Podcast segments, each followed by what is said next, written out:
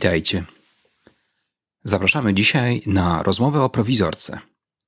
Słowie, które znają pewnie wszyscy, które ma swoje odpowiedniki w innych językach, ale najciekawiej prezentuje się w naszej własnej tradycji, zwłaszcza jeśli odnieść je do etyki. Część z Was słyszała zapewne o Kartezjuszu i o jego rewolucyjnym projekcie nowego systemu filozoficznego, który przyszedł mu do głowy, gdy odkrył, jaką moc ma świadomość naszego własnego ja, jedynej niepowątpiewalnej rzeczy, którą możemy przyjąć za podstawę do budowy nowego systemu. Owo ja cogito, myślące same siebie, jest czymś, czemu nie można zaprzeczyć. Nie jest to jednak pogawędka o samym Kartezjuszu, ani o jego systemie, choć z pewnością zasługuje na to, żeby kiedyś poświęcić mu nieco więcej czasu. Jest to tylko mała wycieczka w stronę pewnego pomysłu, który przyszedł mu do głowy na początku drogi budowania systemu. Otóż Kartezjusz, zdając sobie sprawę, że budowanie systemu filozoficznego zajmie mu trochę więcej czasu, był głęboko przekonany, że nie może poruszać się po tej drodze bez pewnych wstępnych rozpoznań metodologicznych, ale także etycznych. W rozprawie o metodzie pisał, że nie sposób zacząć budowy nowego domu, dopóki nie postawimy sobie na placu budowy jakiejś małej przybudówki, jakiegoś małego schronienia, które będzie pełniło funkcję tymczasową, dopóty, dopóki właściwy dom nie zostanie ukończony. Tak właśnie wyobrażał sobie projekt etyki tymczasowej, którą trzeba powziąć, zanim w toku systematycznej refleksji zbudujemy wielki system, którego etyka ma być ukoronowaniem. W zasadach filozofii przedstawiał metaforę drzewa wiedzy. I był tu chyba pod wpływem swoich nauczycieli, jezuitów z kolegium w La Flèche i generalnie pewnego nastroju filozoficznego na początku XVII wieku, w którym sprawy etyczne były fundamentalnego znaczenia, bo posadowione były bardzo blisko teologii. Mimo, że jesteśmy w wieku XVII, to schematy myślenia scholastyczne są jeszcze w tym czasie przecież bardzo silne. I oto w zasadach filozofii Kartezjusz używa metafory drzewa, żeby wyjaśnić, jak sobie wyobraża strukturę wiedzy. Korzenie tego drzewa to metafizyka. Konary i gałęzie fizyka i inne nauki, które mogą być sprowadzone do trzech głównych: medycyny, mechaniki i etyki, właśnie. Trzeba jednak podkreślić, że jakkolwiek mowa jest tu o trzech konarach, to rola etyki jest tutaj fundamentalna, ponieważ system etyczny pozostaje w specjalnej relacji do pozostałych gałęzi i ostatecznie stanowi cel nadrzędny wiedzy. Jak pisze Kartezjusz, najwyższy i najdoskonalszy jest system etyki, który obejmuje całość pozostałej wiedzy i jest najwyższą formą mądrości. No ale przed chwilą była mowa o tym, że zanim zbuduje się system, trzeba stosować jakieś narzędzia tymczasowe. Zanim postawi się dom, trzeba wybudować szałas, żeby nie zmoknąć w czasie budowy. Dlatego za chwilę Kartezjusz zbuduje pewien projekt etyki tymczasowej, jak sam ją nazywa. Tyle tylko, że jest jeszcze jeden problem, który warto wyjaśnić, zanim zajmiemy się tą etyką tymczasową, a stamtąd przejdziemy do tytułowej prowizorki. Otóż w zasadach filozofii Kartezjusz mocno deklaruje, że chciałby zbudować system, którego etyka jest ukoronowaniem. Natomiast starszy Kartezjusz pod koniec swego życia, kiedy udziela swoistego wywiadu niejakiemu Purmanowi i wspomina swoją drogę filozoficzną, napisał coś zaskakującego. Nie lubię pisać o etyce, ale musiałem zawrzeć te reguły z powodu scholarchów i im podobnych. Nie lubię pisać o etyce, ale musiałem o nich napisać, bo patrzyli mi na ręce, bo tego ode mnie wymagano i tego oczekiwano. Ciekawa sprawa. Z jednej strony głosi, że etyka ma być ukoronowaniem, ale po latach przyznaje, że pisał to trochę pod przymusem. Okazuje się zresztą, że ten system nigdy nie zostanie ukończony i to, z czym zostaliśmy do dzisiaj, to owa sformułowana na początku drogi etyka tymczasowa, etyka przybudówki na placu budowy, na którym właściwy gmach systemu dopiero powstanie. Pewnie jesteście ciekawi, jakiego rodzaju reguły chciałby wybrać Kartezjusz mm, jako narzędzia tymczasowej zaradności etycznej, jeśli można tak powiedzieć. Tak naprawdę nie są to bardzo oryginalne zalecenia. Sprowadzają się do czterech reguł. Po pierwsze, być posłusznym prawom i zwyczajom swego kraju, trwale trzymając się wiary, w której dzięki łasce Bożej byłem wykształcony od dzieciństwa. I tu chyba wyraźnie widać wpływ jezuickiego wykształcenia z kolegium La Flèche. A dalej pisze, i regulować swoje postępowanie w każdej innej sprawie zgodnie z najbardziej umiarkowanymi opiniami, a najdalsze od skrajności.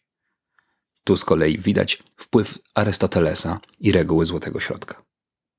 Po drugie, być tak stanowczym i konsekwentnym w swych czynach, jak jestem w stanie, i nie przywiązywać się w najmniejszym stopniu do najbardziej wątpliwych opinii, gdy raz zostaną przyjęte. Można by to nazwać jakimś elementem sceptyckim. Albo także odwołującym się do starożytnego konceptu trwałego ćwiczenia się w cnocie.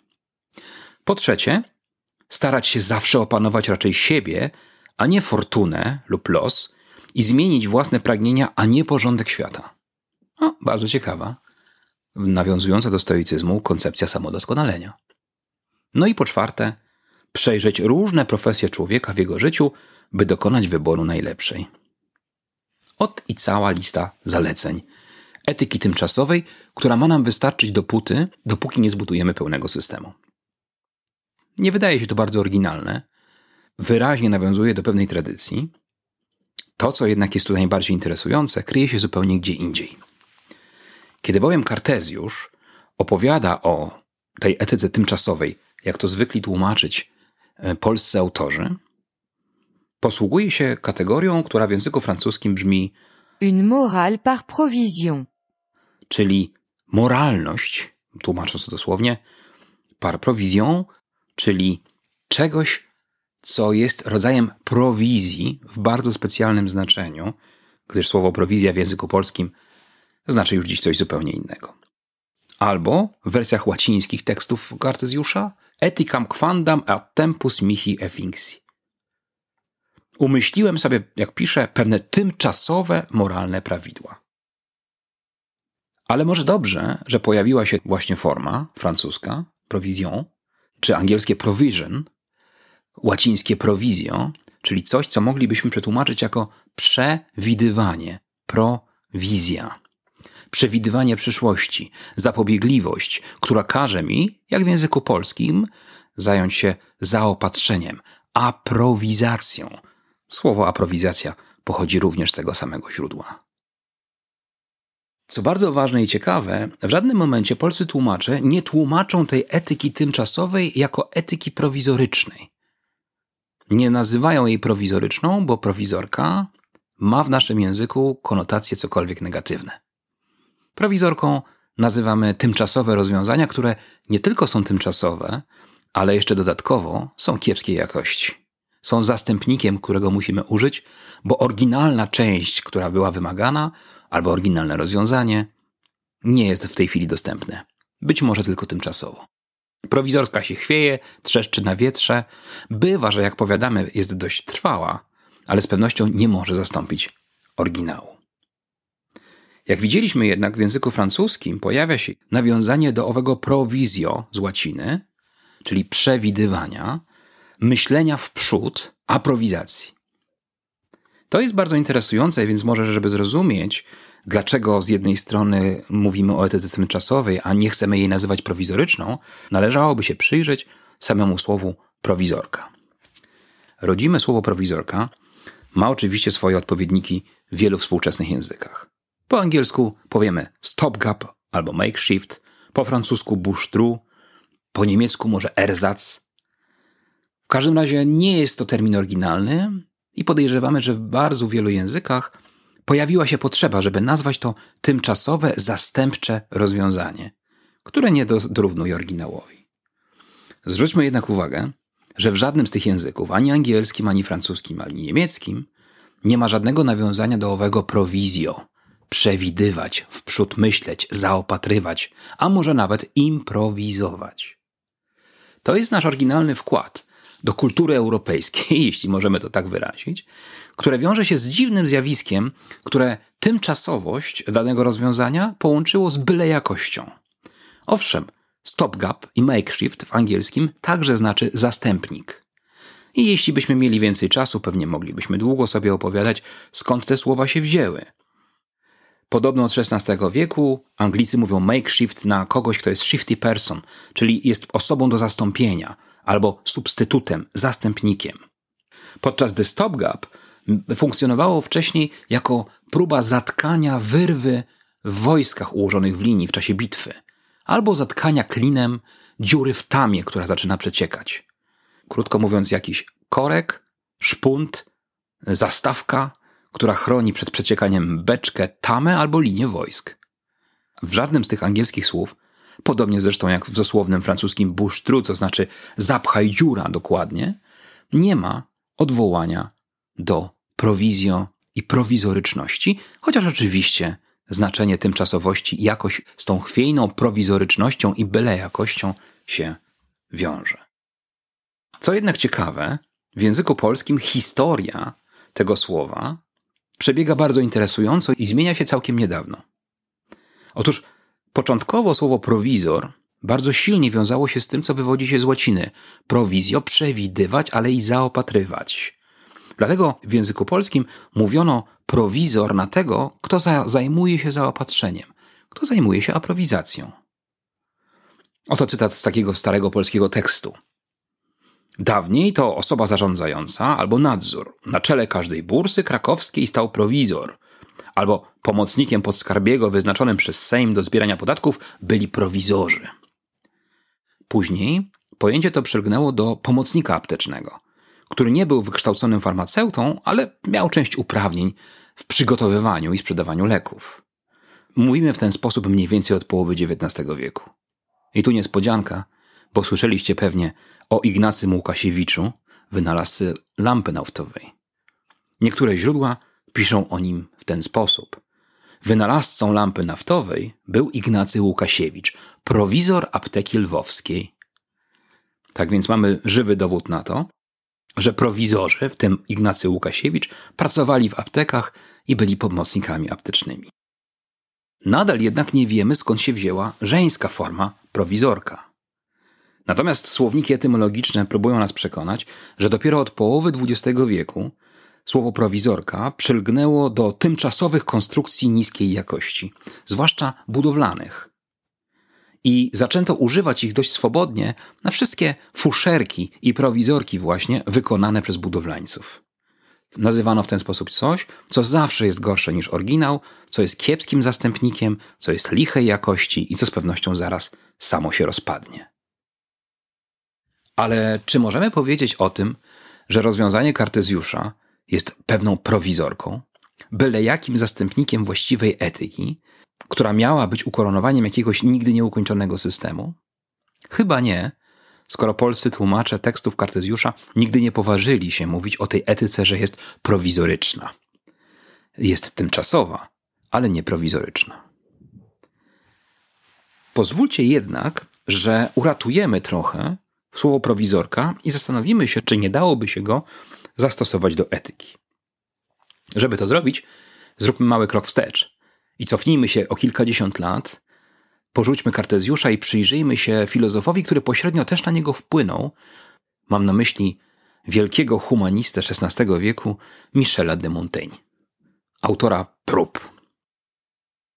W jego tekstach nie znajdziemy słowa prowizorka, co najwyżej próba, która jest przecież też jakimś prowizorycznym improwizowaniem, nie znajdziemy nawet także jakichś przymiarek do zbudowania systemu filozoficznego czy etycznego. Wynika to z pewnego programowego założenia Montaigne'a, który był bardzo sceptycznie myślącym filozofem. Niespecjalnie przekonanym do filozofii jako narzędzia budowania wielkich systemów. Niespecjalnie przekonanym, że rozum ludzki jest w ogóle zdolny zbudować coś, co na miano systemu filozoficznego zasługuje. Urodzony sceptyk, wielbiciel antyku, zajęty samoobserwacją i gromadzeniem pewnych doświadczeń, owszem, szukający odpowiedzi na pytanie, co to jest cnota i jak dobrze żyć, ale bardzo niechętny technicznemu językowi etyki i filozofii. Stosunek Michela de Montaigne do budowania systemów, do scholastyki, generalnie do nauki uprawianej na uniwersytetach, najlepiej chyba oddaje fragment jego próby pod tytułem o bakalarstwie, gdzie tak naprawdę wyraża cały swój negatywny stosunek do szkoły jako instytucji.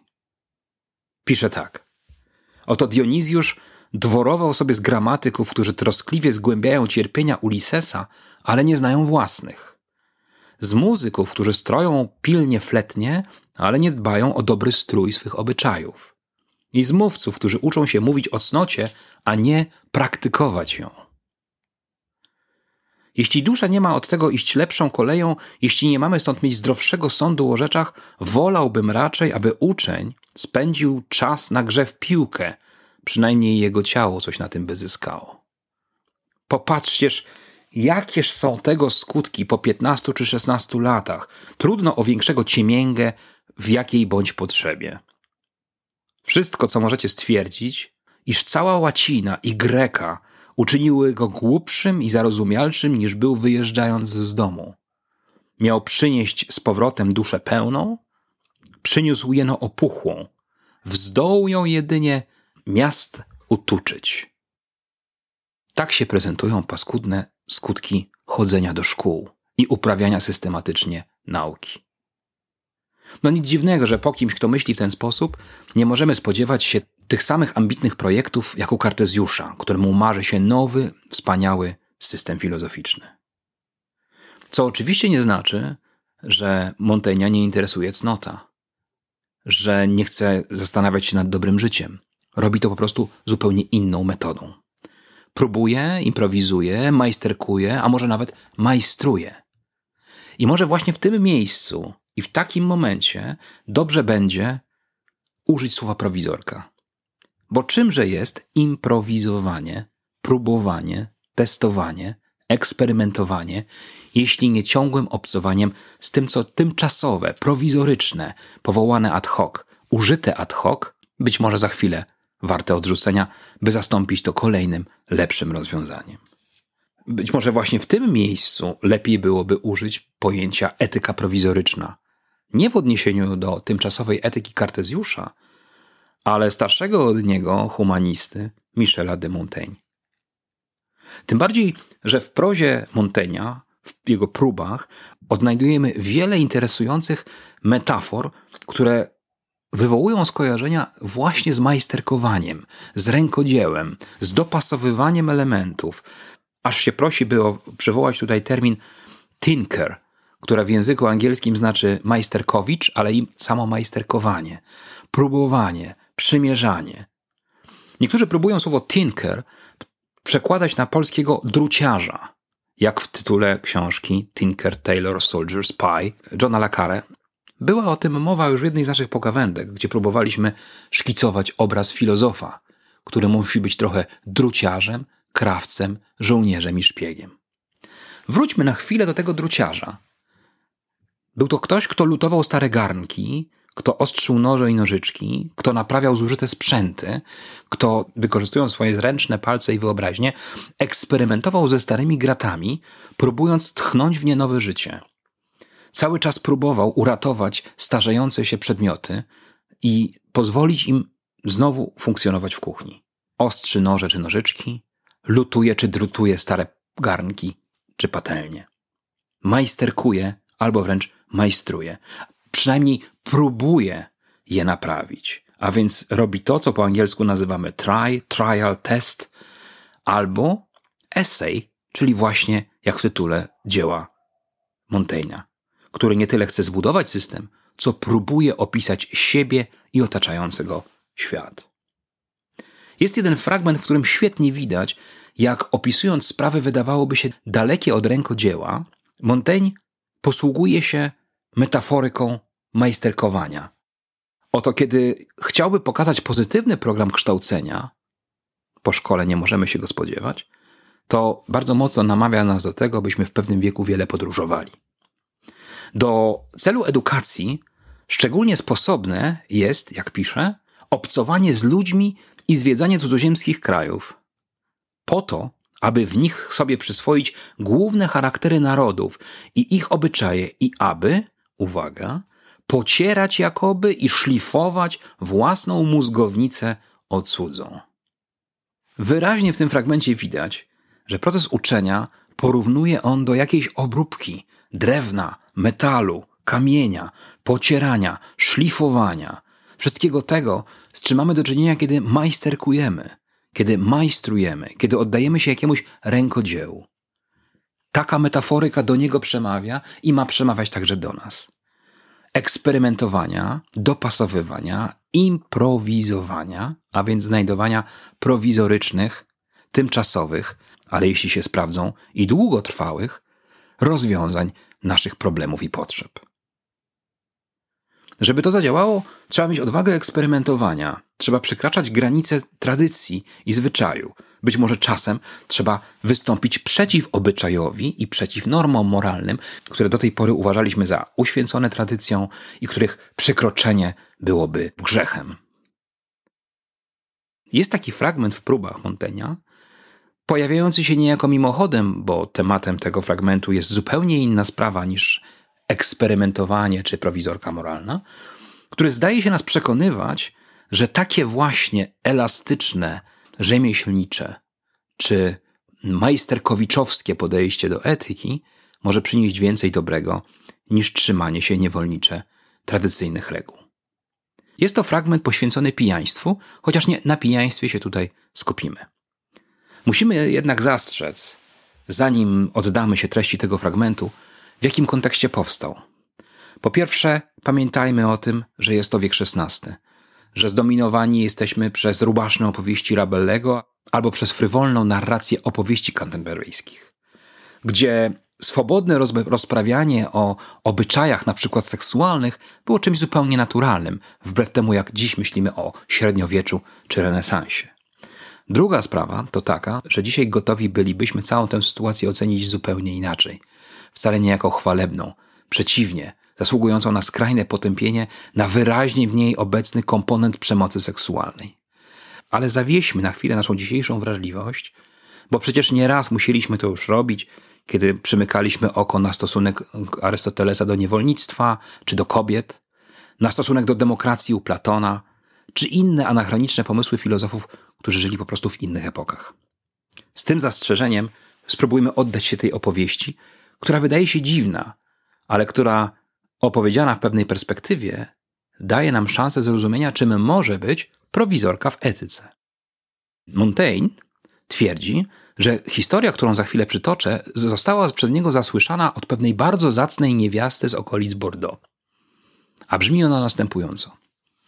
Pewna wiejska kobieta, wdowa, zażywająca zacnej sławy, czując pierwsze oznaki ciąży, zwierzyła się sąsiadkom, że mniemałaby, że jest ciężarną, gdyby miała męża, ale przecież była wdową.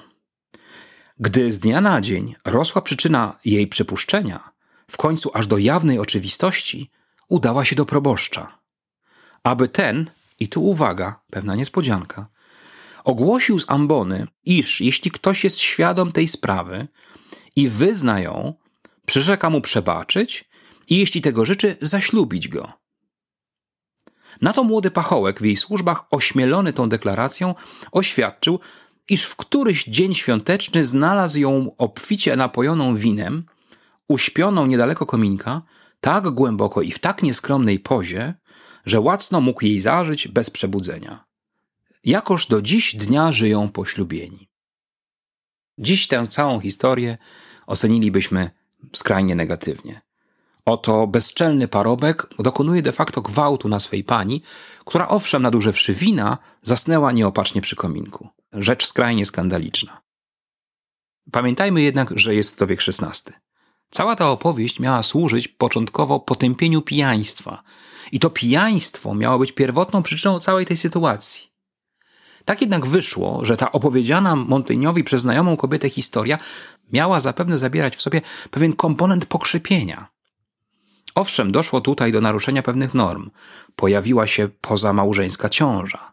Ale zamiast tę kobietę potępić, proboszcz zgadza się na jej propozycję, by ogłosić z ambony Rozwiążmy wspólnie tę zagadkę, skąd się wzięła ta ciąża, o której przyczynie kobieta nie pamięta.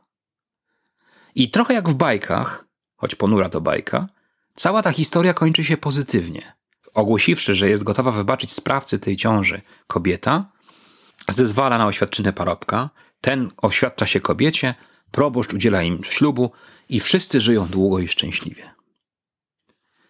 Oczywiście, dziś ta historia nie ma w sobie tej mocy, jaką miała być może w wieku XVI.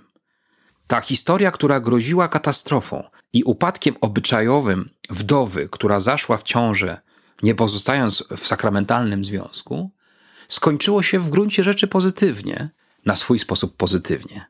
A mogła skończyć się w ten sposób tylko dlatego, że proboszcz, kobieta i parobek zawiesili na chwilę obowiązujące w tym czasie normy, które nakazałyby skrajnie potępić niezamężną, ciężarną kobietę, ukarać bardzo surowo parobka, który nadużył czci swej pani, no i być może proboszcza, który nie przestrzega prawideł zarządzania swą trzutką, która nie powinna oddawać się grzechom ani pijaństwa, ani rozpusty, ani innych eksperymentów etycznych, z którymi mieliśmy tutaj do czynienia. A może wręcz przeciwnie, jest to przykład moralnej improwizacji, swoistej moralnej prowizorki. Prowizorki, która każe znaleźć rozwiązanie absurdalne i zupełnie niepasujące do przyjętych schematów myślenia i wartościowania. I uratować wszystkich uczestników tego wielkiego skandalu przed skrajnym potępieniem, grzechem, wygnaniem, chłostą i innymi sankcjami, które musiałyby na nich spaść, gdybyśmy trzymali się tradycyjnych moralnych reguł.